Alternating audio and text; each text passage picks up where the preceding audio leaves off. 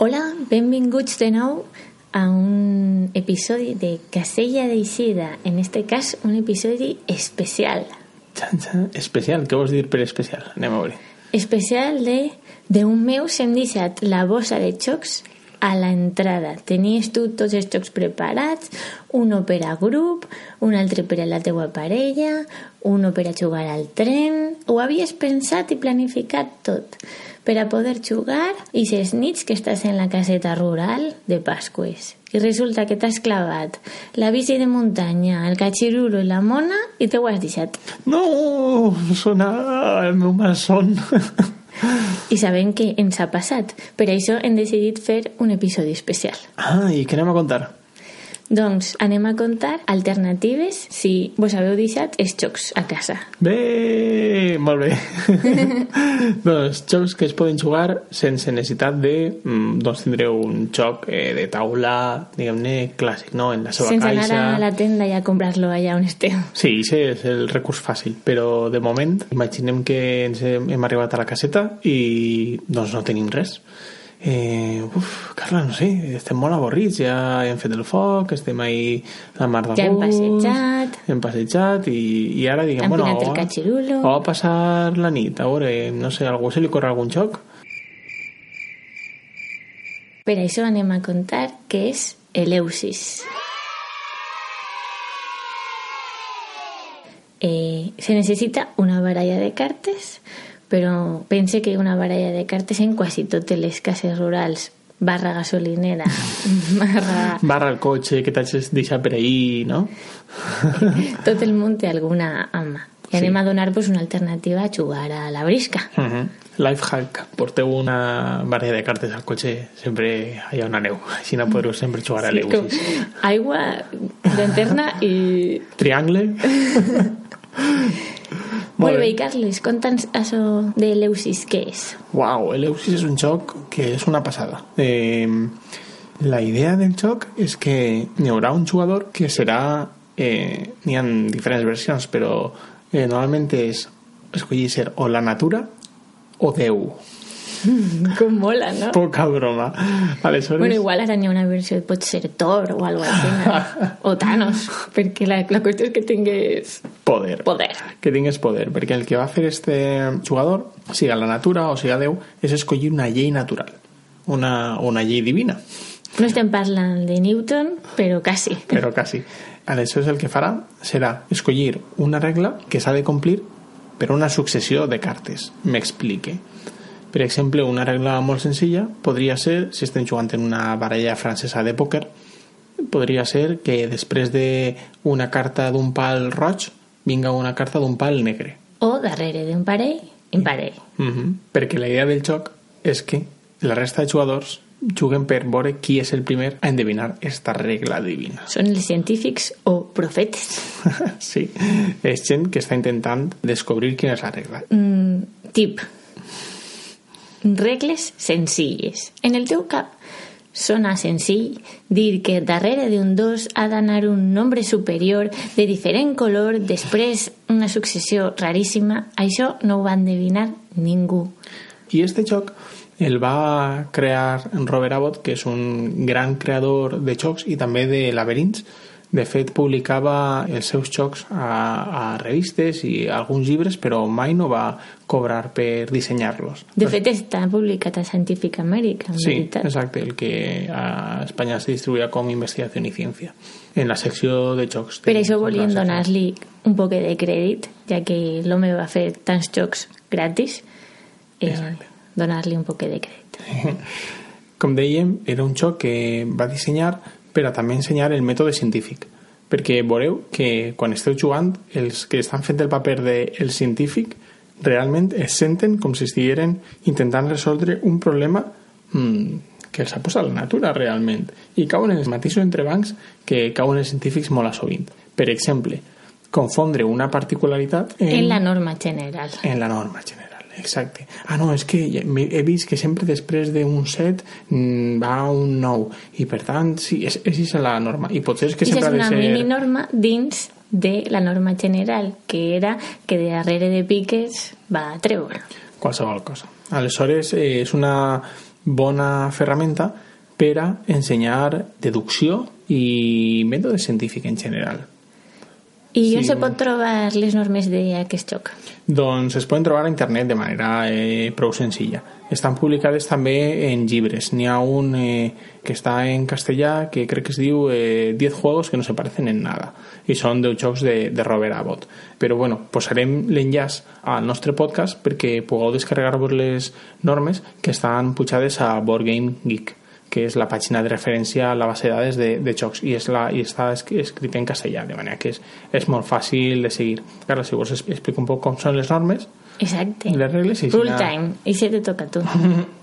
molt bé, doncs bàsicament eh, un jugador va ser eh, Déu o la natura i escollirà una regla natural n'hi ha algunes, alguna gent que prefereix que aquesta regla s'escriga en un tros de paper per a que així siga super secreta i no se puga canviar després. Aleshores es reparteixen un número de cartes generalment entre 12 i 15 com, com preferiu eh, a cadascun dels jugadors. És a dir, tu tens una mà molt poblada mm? si eres un dels científics que intenta endevinar aquesta regla. I després eh, cadascun dels científics doncs, per ordre eh, anirà jugant d'una a quatre cartes que creguen que complixen la norma de successió que ha pensat eh, el jugador que fa de Déu a la natura per exemple, primer, si és una carta que siga, no sé, un 3 de piques mm, imagina, Carla, tu que jugaries? Tens una mà i decides jugar doncs decidís jugar 4 de cor, eh, un altre un 5 de trèvol i aixina. Vale, bueno, com sabeu, Carla no té molta idea de què jugar perquè, clar, és, va com un científic la primera que vegada que s'enfronta a un problema. Aquestes similituds es van donant molt durant el joc. En este cas, eh, la natura li diria si No. este eh, 3 de piques que ella ha proposat complís la regla o no complís la regla. Si complís la regla, es juga la carta. Si no es complís la regla, es posa a un lloc especial de la taula on se posen les cartes que no estan complint la regla i Carla furtaria dos cartes de manera que no s'ha Quan més aconseguit temps passa, més pistes n'hi ha. eh, la idea és quedar-se sense cartes o intentar diguem-ne eh, encertar el màxim número de, de cartes en una, en una consecució I per què vols arriscar-te i dir ah, ja sé quina és la norma? Mm, molt bona pregunta, perquè et pots convertir en profeta. si creus que saps quina és la norma, mm, la llei natural o la llei divina, pots convertir-te en profeta. Pots declarar-te profeta de manera que dius, vale, d'acord, jo sé quina és la norma. Normalment el jugador que fa de natura te mirarà un poc incrèdul, no? Depenent de lo que hagis llegit.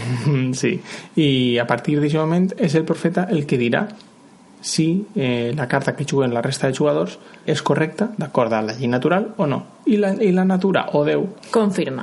exacte. De manera que el profeta sempre està posat a prova.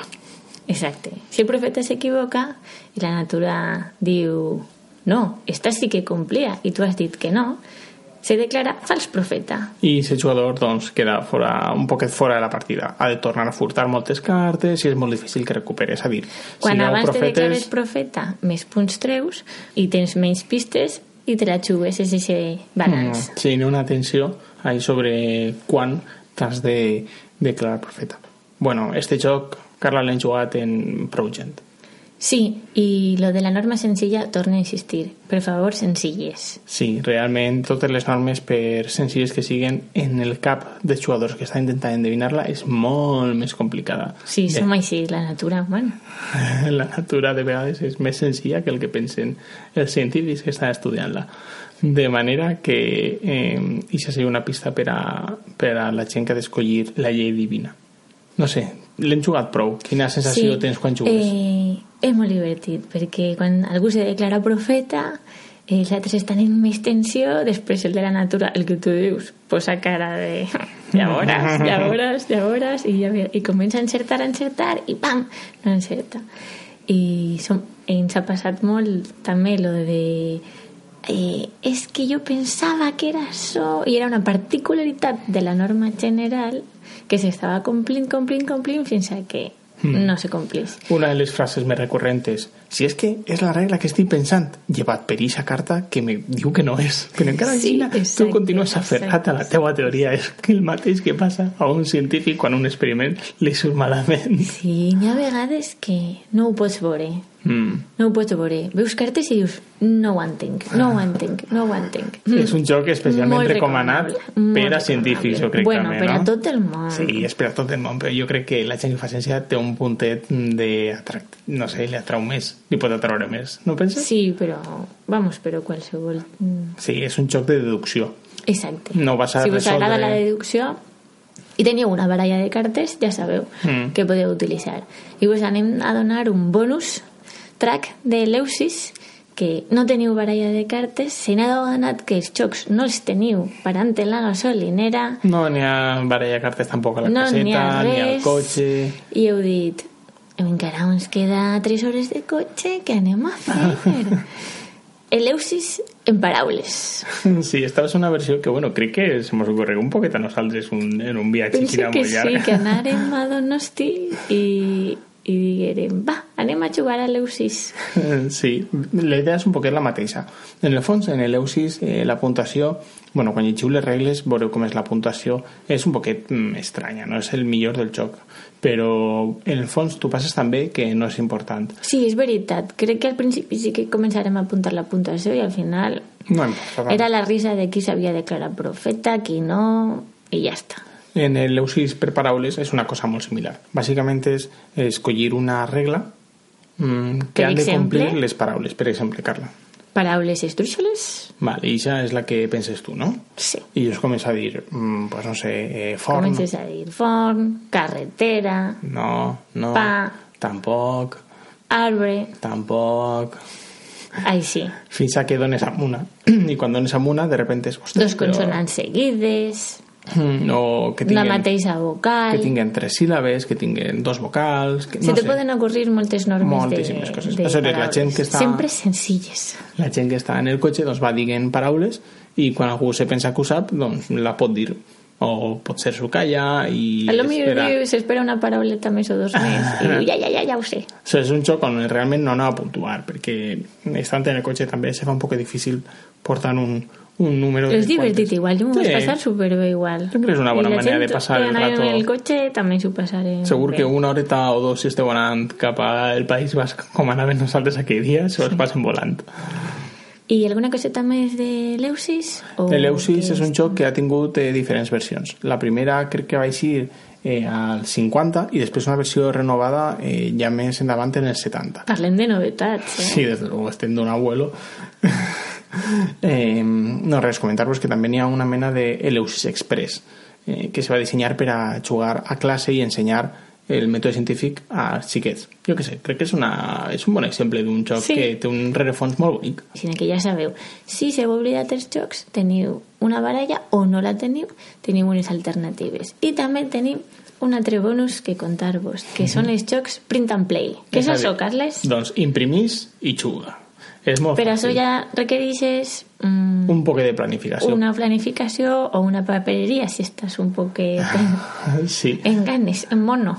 Sí, bàsicament el, vos recomanem un joc que nosaltres ho hem passat prou bé per aportar-se Sí. al tren o si aneu darrere en el cotxe, si conduixes no pots, I també pense que en xiquets, no, molt xicotets, però en xiquets és senzill i fa gràcia. Sí, doncs posarem eh, l'enllaç a les notes, però el joc es diu eh, Goulash. Eh, doncs eh, és un joc que es juga realment en un paper i en boli. Eh, I t'imprimisses una mena de laberint. laberints i tu has d'anar eh, comentant per on te mous. Eh, O sigui que bàsicament necessites imprimir uns laberints. Sí, són unes fulles que un dia te pots imprimir moltes perquè n'hi ha molts tipus de laberint i dos, després... Al costat de la baralla del cotxe teniu els laberints. Sí, eh, cadascú de, se juga en, en, en dues persones i cadascú posa obstacles al seu mapa i després eh, l'altra persona li va dient pues tire cinc caselles cap endavant i li diu, vale, no Perfecte. passa res, continues vale, ara tire eh, per este cantoner que tinc a la dreta tire tres caselles Bum! T'has trobat en el mostre, en el goulash. Este. sí, això si te trobes en un monstre has d'anar dient eh, números a que el mates és, bueno, és un, és un mecanisme Eh, el- molt senzill Sí, el que ha posat el mostre pensa un número sí. i l'altre va dient números fins a que fins a que l'encerta. I després també pots posar trampes, en plan, doncs n'hi ha un forat al terra Clar. i perds un torn. I se tracta d'intentar trobar l'eixida al laberint. És un joc que és divertit, eh, És se juga en, en dues persones, al tren funciona molt bé, darrere del cotxe pues, també està guai, si teniu un viatge llarg, Si voleu que fem un especial viatges, que segurament eh, el fem, deixeu comentaris i, i ampliarem aquesta secció.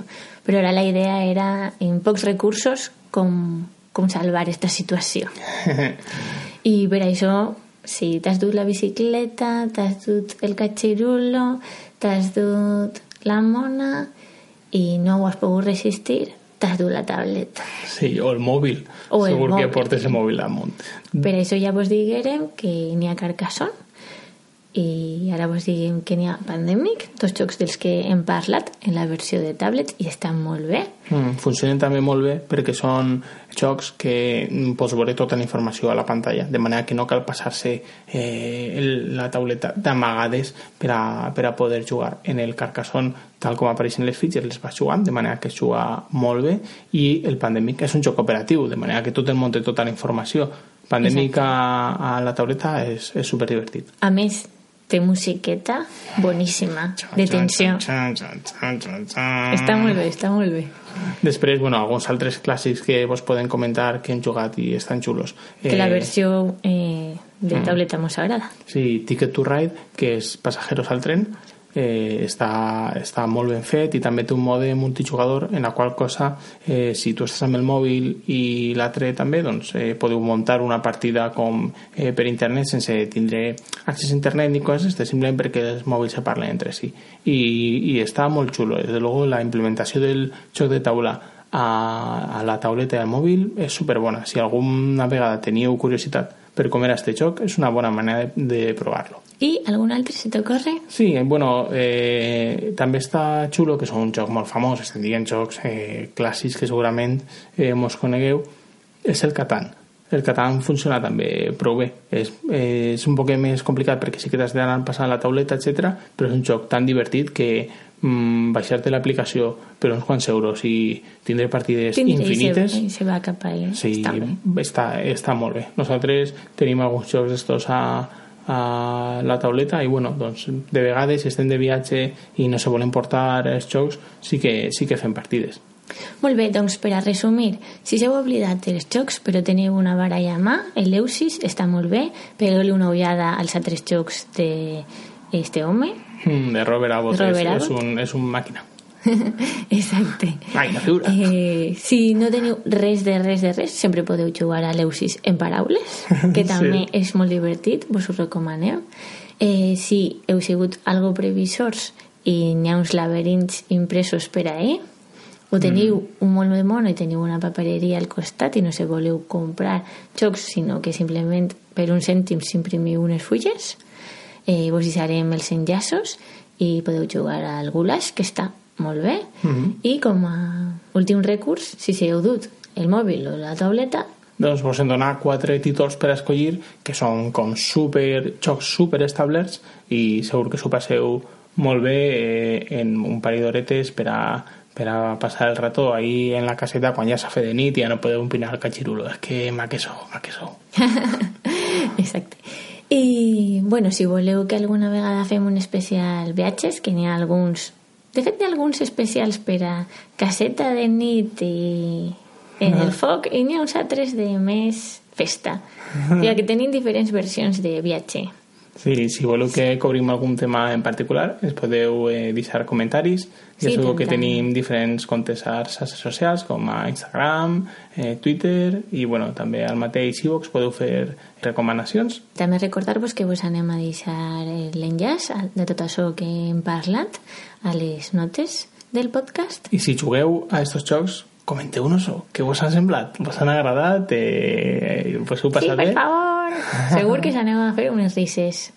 Molt bé, doncs moltíssimes gràcies. Adeu, fins a un altre especial. Adeu.